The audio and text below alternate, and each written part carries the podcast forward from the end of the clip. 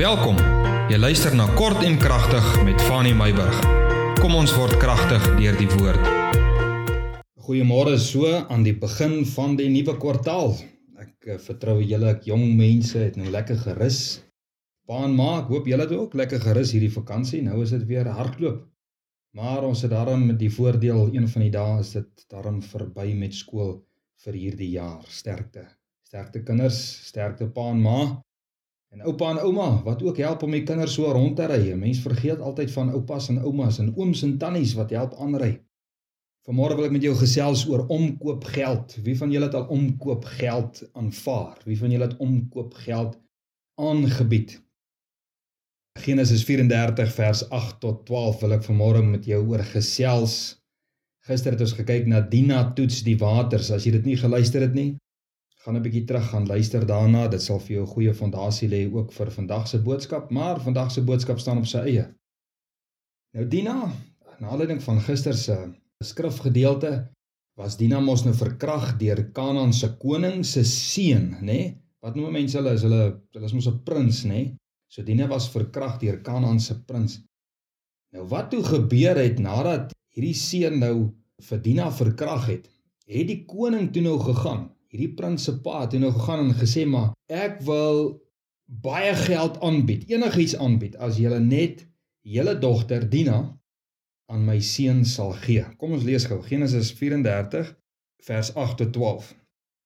Toe spreek Hemor, dis nou die koning van Kanaan met Jakob en Jakob se seuns en hy sê die siel van my seun Sichem is verlief op julle dogter Hy sê my kind is smoor verlief. Hy kan nie uitgepraat raak oor haar nie. En die koning vra: "Gee haar tog aan my seun as vrou en verswaar julle met ons. Gee aan ons julle dogters en neem vir julle ons dogters. Bly maar by ons woon." Met ander woorde, hy sê vir Jakob en vir sy seuns en vir almal: "Julle kan in Kanaan bly." En die land sal voor julle oop lê. Met ander woorde, julle kan gaan net waar julle wil, julle kan doen wat julle wil. Woon, trek rond daarin, verwerf vaste besittings daarin. Vers 11. En Sichem sê vir haar vader en haar broers, vir Jakob en Dina se broers: Laat my guns vind in julle oë en wat julle van my eis sal ek gee. Hy sê ek is so smoor verlief op hierdie meisie. Maak nie saak wat julle my gaan vra nie. Maak nie saak wat die prys is nie ek sal betaal wat julle sê.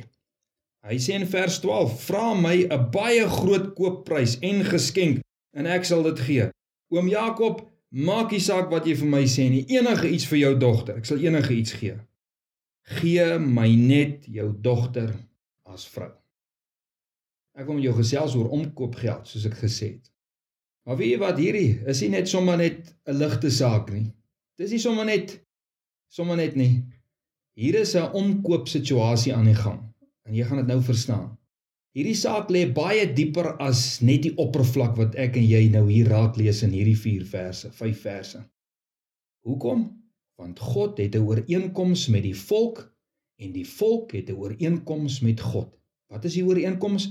Dat hulle nie hulle dogters as vroue sal gee aan die inwoners van Kanaan of hulle seuns as mans vir Kanaan se dogters sal gee nie. En die rede was eenvoudig. As daar ondertrouery gaan plaasvind, dink mooi hieroor.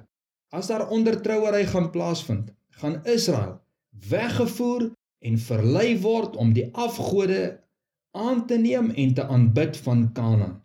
Hulle gaan verkeerde tradisies, verkeerde kulture gaan hulle insleep in Israel in.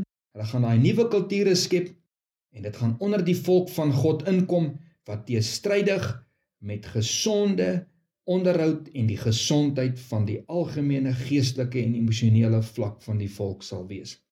Dis die rede. Dis waar omkoop geld vandaan kom. Wat hierdie koning en hierdie prins doen, onwetend nê? Nee, hulle wil omkoop geld betaal eintlik sodat Jakob en Jakob se seuns hulle verbond met God sal verbreek. Jy weet daar is geen verskil aan hierdie beginsel tussen God en Israel en Jesus en die kerk nie. Want die eerste gebod staan steeds vas. Ou of Nuwe Testament en jy ken die nuwe die die eerste gebod. Jy mag nie ander gode in jou huis akkommodeer of hulle aanbid nie. Dit is die eerste gebod: wees versigtig met ander woorde. As ons kyk na hierdie verhaal, moet ons versigtig wees om met iemand te wil trou wat in byvoorbeeld die okkulte betrokke is of wat geen verkeerdheid sien in die akkommodering van uitbeeldings van afgode in sy of haar huis nie. Jy weet ons gaan nou hierso mos nou weer in hierdie slegte tyd van die Halloween in waar mense geen verkeerd daarin sien dat daar hekse opgehang word in hulle huise en allerlei spooke en allerlei nonsies in en dooie mense en gedrogte en al daai tipe goeters en jy weet wat? Dit skep verdeelde belange. Dit maak afgodery aanvaarbaar en dit maak afgodery reg. Dit maak wat verkeerd is reg en aanvaarbaar. En net so ook as ons kyk na byvoorbeeld voorhuwelikse seks dit maak dit aanvaarbaar. Pornografie om sulke goeters aan deel te neem en vriende en vriendinne te hê wat dit doen en jy gaan in verhouding met so 'n vriend of so 'n vriendin in outomaties word daardie verkeerde gewoontes, daardie verkeerde kultuur aan jou oorgedra. Jy het 'n goeie geestelike agtergrond, jy's goed en reg grootgemaak.